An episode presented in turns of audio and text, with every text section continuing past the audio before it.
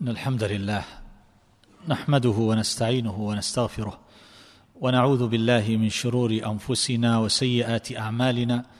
من يهده الله فلا مضل له ومن يضلل فلا هادي له وأشهد أن لا إله إلا الله وحده لا شريك له وأشهد أن محمدا عبده ورسوله صلى الله وسلم وبارك عليه وعلى آله وصحبه أجمعين. أما بعد فسلام الله عليكم ورحمته وبركاته. أيها الأحبة في هذه الليلة أواصل الحديث في الكلام على قوله صلى الله عليه وسلم من تعار من الليل فقال حين يستيقظ لا إله إلا الله وحده لا شريك له له الملك وله الحمد وهو على كل شيء قدير سبحان الله والحمد لله ولا إله إلا الله والله أكبر ولا حول ولا قوة إلا بالله العلي العظيم. رب اغفر لي الحديث. وقد كان حديثنا يتصل بالجملة الأولى من هذه الكلمات التي يقولها من تنبه وتعار من نومه وهي كلمة التوحيد. تكلمنا عن هذه الكلمة وعن منزلتها وفضلها وأنها دالة على أنواع التوحيد الثلاثة. وبينا وجه كونها تدل على توحيد الإلهية الذي بعثت الرسل عليهم الصلاة والسلام من أجل تقريره والدعوة إليه وأن الخصومة كانت في هذا النوع من التوحيد بين الرسل وأعداء الرسل كما هو معلوم. واصل الحديث أيها الأحبة فأتكلم عن تضمنها للنوع الآخر من أنواع التوحيد وهو توحيد الربوبية. هو توحيد الله تبارك وتعالى بأفعاله هو. توحيد الإلهية أن نوحده بأفعالنا نحن.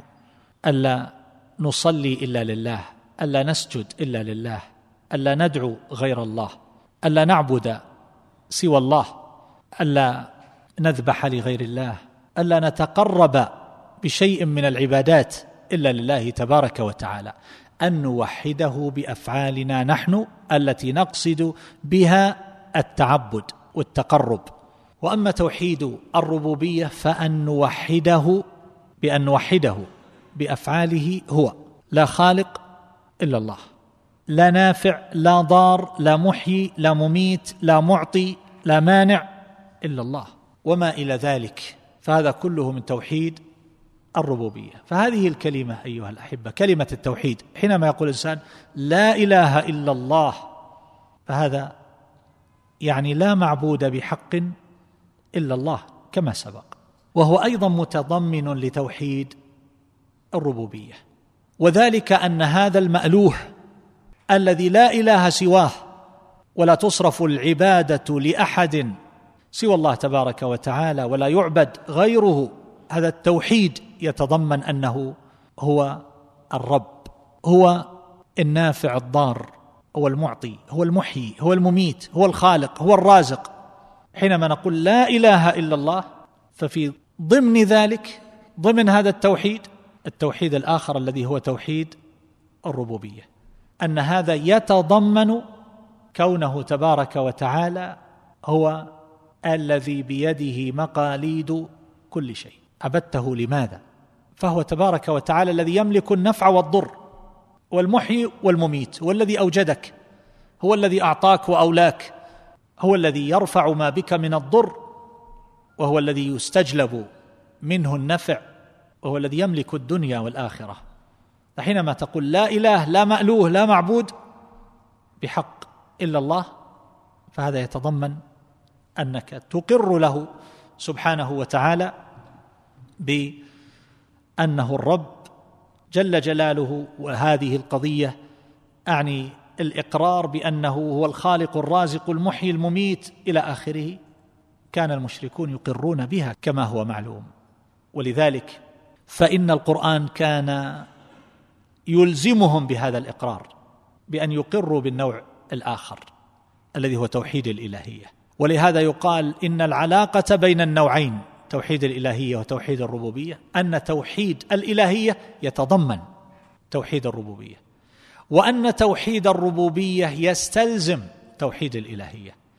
إذا كنت تعترف وتقر أنه هو الرب الخالق الرازق المحيي المميت المعطي المانع إلى آخره هذا يلزم منه أن تتوجه إليه وحده دون ما سواه. اذا ما الحاجة لغيره؟ لماذا يعبد غيره؟ لماذا يصرف شيء من العبادة لغير من خلق؟ ولهذا كان الشرك أظلم الظلم. إن الشرك لظلم عظيم. لماذا؟ لأنه صرف للعبادة صرف للشكر لغير من أعطى وأولى وخلق. يعطيك ويوليك وينعم ويتفضل ثم تصرف العبادة والشكر لغيره. هذا أظلم الظلم وأشنعه كما هو معلوم. فتوحيد الربوبية هذا أيها الأحبة كان المشركون لا ينكرونه. كانوا يقرون به فكان القرآن يلزمهم بهذا الإقرار أن يقروا بتوحيد الإلهية. اذا هي متضمنة لهذين النوعين من التوحيد. كما أنها تتضمن النوع الثالث وهو توحيد الأسماء والصفات أن الله له الأسماء الحسنى والصفات العلى الكاملة أنه موصوف بكل كمال وأنه مستحق لكل كمال الكمال المطلق من كل وجه فلا يعتريه نقص بوجه من الوجوه. ومن هنا أيها الأحبة كان هو المستحق للإلهية أن يكون هو الإله لأن الذي يكون الها تألهه القلوب محبة وتعظيما وتعبدا وخوفا ورجاء هذا ينبغي أن يكون هو الكامل من كل وجه. وحينما يقال إنه الرب يعني المالك السيد المتصرف الذي يربي خلقه بالنعم الظاهرة والباطنة إلى غير ذلك من معاني الرب. فالذي يكون بهذه المثابة الملك المالك المتصرف التصرف المطلق المعطي المانع النافع الضار هذا ينبغي أن يكون متصفا بجميع صفات الكمال. وبهذا كان ربا للعالمين. العالم العلوي والعالم السفلي. لا ينازعه في هذا أحد. جل جلاله وتقدست أسماؤه. فحينما نقول لا إله إلا الله فمعنى ذلك أن هذا المألوه له الصفات الكاملة. ومن هنا كان الحمد من أوله إلى آخره لله عز وجل. الحمد لله رب العالمين. فأل الاستغراق. كل المحامد لله. ولا يمكن أن يحمد من كل وجه إلا من كان كاملا من كل وجه. والذي يكون كاملا من كل وجه هو الموصوف بجميع صفات. الكمال المنزه عن جميع صفات النقص. هذا كله في لا إله إلا الله. فحينما ننظر إلى هذه الجملة إلى هذه الكلمة بشقيها لا إله والا الله فإنها تدل بمنطوقها على التوحيد أنه الواحد الإله الواحد الذي لا يستحق العبادة أحد سواه. وبمفهومها تتضمن إثبات الكمال والتنزيه لهذا الإله والرب عن كل نقص. فحينما تقول لا إله فأنت تنفي جميع الآلهة المدعاة من دون الله تبارك وتعالى فكلها باطلة فلا شيء منها يعطي ولا ينفع ولا يضر ولا يدفع ولا يخلق ولا يرزق ولا يحيي ولا يميت. كل هذه الآلهة الباطلة هي مجرد أوهام. لا تملك لعابديها نفعا ولا ضرا. اذا حينما نقول لا إله نفينا هذا عن جميع هذه الصفات عن هذه المعبودات. إلا الله نثبت الألوهية لله تبارك وتعالى ويلزم من ذلك أن يكون هو المتصف بصفات الكمال المنزه عن كل عيب ونقص. وبناء على ذلك أيها الأحبة فإن هذه الكلمة لا إله إلا الله هي توحيد له في إلهيته ومفهومها توحيد له بأسمائه وصفاته وتوحيد الأسماء والصفات كما هو معلوم يقوم على أصلين اثنين الأول الإثبات والثاني التنزيه أن تثبت جميع صفات الكمال والأسماء الحسنى التي أثبتها لنفسه وأن تنفي جميع النقائص عن الله تبارك وتعالى. ومن هنا فإن كلمة التوحيد هذه لا إله إلا الله بإثباتها الألوهية يلزم منها هذا وهذا. حينما نقول إلا الله نثبت جميع صفات الكمال التي استحق بها أن يكون هو الإله أنه هو المعبود الذي يستحق الإفراد بالعبادة. لما له من صفات الإلهية؟ التي هي صفات الكمال فلا يستحق أن يعبد إلا من كان بهذه المثابة. طيب هنا إذا كان الأمر كذلك فإن هذا يقتضي أيضا تنزيهه عن جميع النقائص. لا إله إلا الله. ومن أعظم هذه النقائص إثبات الشريك. ولهذا قال الله قل هو الله أحد الله الصمد لم يلد ولم يولد ولم يكن له كفوا أحد. فكانت هذه تعدل ثلث القرآن وهي في هذا النوع من التوحيد الذي هو توحيد المعرفة والإثبات الذي هو التوحيد العلمي فهذه في صفة المعبود في صفة الإله جل جلاله. قل هو الله أحد واحد. الله الصمد لم يلد ولم يولد. قل هو الله أحد. فهذا المألوه أحد صمد. ليس كمثله شيء وهو السميع البصير. لا بد من هذا وهذا النفي والإثبات. ثم قال له الملك وله الحمد وهو على كل شيء قدير. فهذه هي براهين التوحيد هي دلائله. فالذي له التوحيد الخالص من كل وجه هو المالك للملك. له الملك. ولاحظ هنا تقديم الجار والمجرور. له الملك. لو قال الملك له يحتمل ملك له ولغيره. لكن حينما يقول له الملك فهذا يشعر بالحصر. ليس لأحد ملك سوى الله تبارك وتعالى. طيب وهؤلاء الملوك؟ هؤلاء الملوك ملكهم إنما هو ملك ناقص والله يملكهم وما يملكون. فالله تبارك وتعالى هو الذي يهب الملك لمن يشاء. قل اللهم مالك الملك تؤتي الملك من تشاء وتنزع الملك ممن تشاء وتعز من تشاء وتذل من تشاء بيدك الخير إنك على كل شيء قدير. فنواصي الخلق جميعا بيد الله تبارك وتعالى. فهذا الذي يكون له شيء من الملك في الدنيا ملكه مسبوق بعدم ويلحقه العدم وهو ملك ناقص لأنه لا يقوم إلا بالأعوان. أما ملك الله تبارك وتعالى فالله هو الحي القيوم القائم بنفسه القائم على خلقه بأجالهم وأعمالهم وأرزاقهم. لا يحتاج لا يفتقر في ملكه إلى أحد سواه. ولهذا في الآخرة حينما يكون ذلك اليوم الذي لا يدعي فيه أحد من الخلق الملك يقول الله عز وجل أنا الملك أنا الملك حينما يطوي السماوات بيمينه ويقبض الأرض بيده الأخرى ويهزهن ويقول أنا الملك أين الجبارون؟ أين المتكبرون؟ والله عز وجل يقول لمن الملك اليوم؟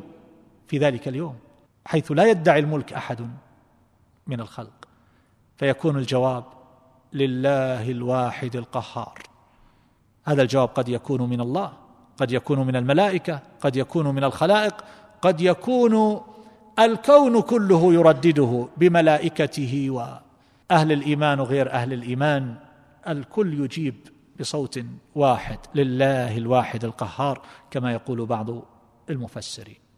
ولهذا قال الله عز وجل ملك يوم الدين مالك يوم الدين على القراءتين المتواترتين خص يوم الدين لأسباب منها هذا. وإذا كان مالكا له لذلك اليوم الذي لا يدعي أحد الملك فهو لما سواه أملك.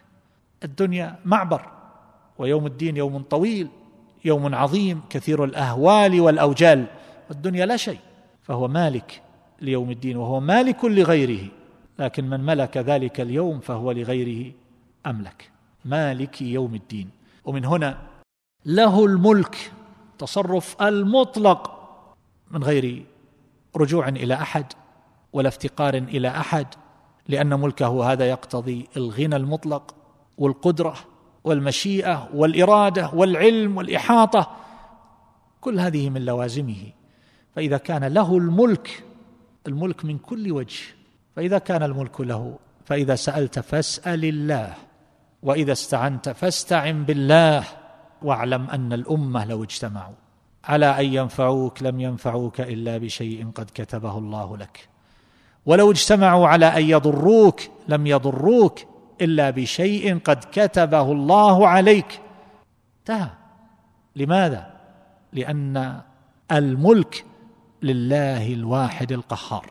الملك لله وحده التصرف له وحده لا ينازعه في هذا أحد. ما شاء كان وما لم يشأ لم يكن. أما أهل الأرض فأين الملوك الذين سادوا وشادوا عبر التاريخ؟ ذهبوا. وبقي الله الحي القيوم الذي لا يموت. فيتوجه العبد بحاجاته وفقره إلى ربه وخالقه جل جلاله ولا يلتفت إلى المخلوقين ولا يسأل المخلوقين ولا يطلب من المخلوقين وإنما يسأل ربه تبارك وتعالى. له الملك وله الحمد. الحمد هو الذي تضاف إليه المحامد اوصاف الكمال من أولها إلى آخرها. تضاف إلى الله تبارك وتعالى.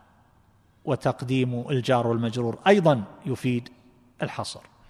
له الحمد فهو المحمود في السراء والضراء.